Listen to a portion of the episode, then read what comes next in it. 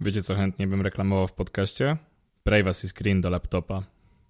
Kiedy robiłem research do tego odcinka w kawiarni, ludzie zaczęli robić się podejrzliwi i dziwnie na mnie patrzeć. Prawdopodobnie wiąże się to z faktem, że przeciętny miłośnik kawy nie sprawdza diagramów tłumaczących zrobienie domowego dynamitu. O kur...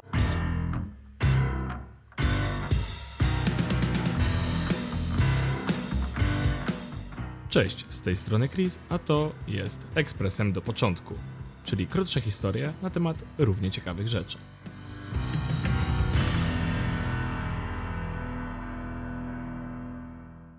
Bunt, rebelia, powstanie, zamieszki. Wyobraźcie sobie chaotyczny tłum ludzi na ulicy, walający się dookoła śmieci, syreny policyjne, oddziały specjalne spychające protestujących tarczami – armatki wodne, wybite szyby, skandujący tłum, Taylora Derdena, wybuchający budynek, kiedy Placebo coveruje The Pixies i... Hej, ziomek, chyba się trochę zagalopowałeś. E, faktycznie. Dzięki. A ty jeszcze tu jesteś? Jestem tylko figmentem twojej wyobraźni. Co do... Hm. Zniknął. Dobra, najpierw skończę nagrywać. Jest 2019, na choroby psychiczne jest czas dopiero kiedy skończy się pracę. To jeszcze raz, od początku. Wyobraźcie sobie chaotyczny tłum ludzi na ulicy, walający się dookoła śmieci, syreny policyjne, oddziały specjalne spychające protestujących tarczami, armatki wodne, wybite szyby, skandujący tłum i nieodłączny element, który pojawia się przy bardziej brutalnych formach protestu Granat ręczny, który, o zgrozo, każdy może zrobić w zaciszu własnego domu. Zwykła butelka napełniona benzyną, która drastycznie zmieniała sytuację w licznych starciach zbrojnych. Koktajl Mołotowa. Z czego składa się koktajl Mołotowa? Nie jest to tajemnicą, więc prawdopodobnie nie czynię szkody opowiadając o tym w podcaście. Zacznijmy od pozycji, która od lat często wielokrotnie znajduje się na półkach podczas przesłuchań. The Anarchist Cookbook ta napisana w 1970 roku przez Williama Powella książka zawiera m.in. przepisy na ekstrakcję substancji psychodelicznych z bananów, tłumiki do broni palnej, piracką rozgłośnię radiową, granaty żelatynowe, samochód pułapkę. Podsumowując, same wspaniałe rzeczy. Co zabawne, znalezienie pełnej wersji tej książki w PDF-ie zajęło mi jakieś dwie minuty w Google.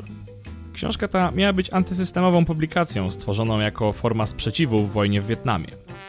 Jeśli natomiast wiecie, w jaki sposób naćpanie się w domu bananem powstrzyma rząd USA od inwazji, dajcie nam koniecznie znać.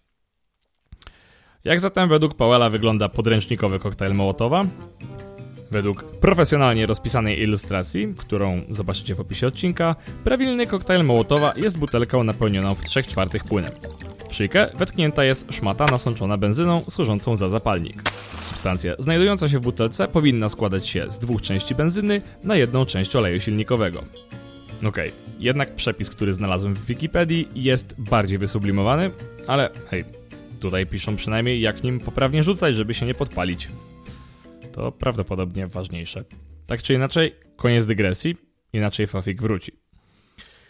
W odróżnieniu od innej popularnej rosyjsko brzmiącej broni, Kałasznikowa, koktajlu nie wymyślił bynajmniej Mołotow.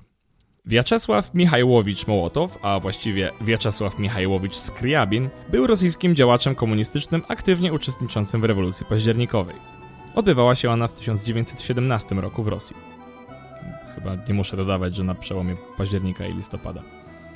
Chociaż Mołotow miał w niej swój udział, w rzeczywistości nie oznaczył się tam niczym wyjątkowym.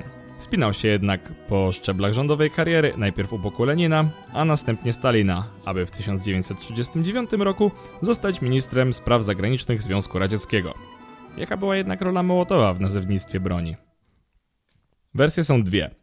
Pewnym jest natomiast, że stworzenie granatu nie było jego pomysłem. Pierwsze udokumentowane użycie butelek zapalających pochodzi z wojny domowej w Hiszpanii. Używali ich podobno marokańscy regulares przeciwko republikańskim czołgom T-26 w bitwie pod Sesenia we wrześniu 1936. Do końca wojny broń ta stała się popularna po obu stronach frontu. Używali jej Japończycy w starciach nad jeziorem Hassan w 1938 i nad rzeką Hauchingo w 1939. Również głównie przeciwko czołgom. Podobno używali ich chętnie również Polacy, np. podczas obrony Grodna czy walk pod Kodziowicami w 1939 roku przeciwko Armii Czerwonej. Najwięcej źródeł wskazuje jednak, że kluczowe dla nadania nazwy miały starcia w wojnie radziecko-fińskiej w latach 1939-1940. Armia Czerwona ponosiła klęskę za klęską w starciu z nieliczną, ale bardzo zdeterminowaną armią fińską. Fińscy żołnierze bardzo chętnie używali w starciach zbrojnych butelek zapalających. Armia radziecka oczywiście rozgłaszała fałszywe komunikaty, zapewniając społeczeństwo, że są nie do pokonania. Mówi się, że to właśnie wtedy Mołotow wygłosił komunikat twierdzący, że urodziny Stalina uczci w zdobytych już Helsinkach wypijając koktajl.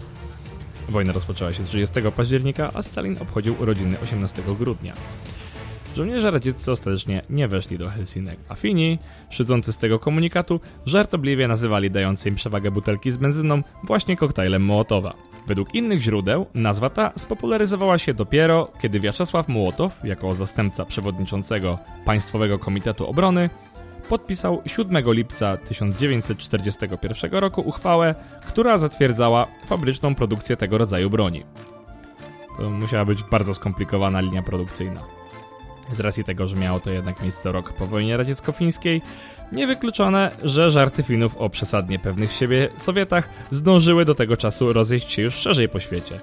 Nie ma jednak wątpliwości, że nazwa koktajl Mołotowa jest znana na całej planecie. To już wszystko na dzisiaj.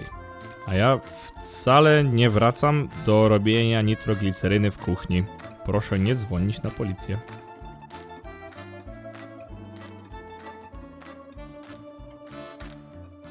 Podcast do początku współtworzy Michał Kasprzyk. Muzyka w intro nagrana została przez zespół Sheila.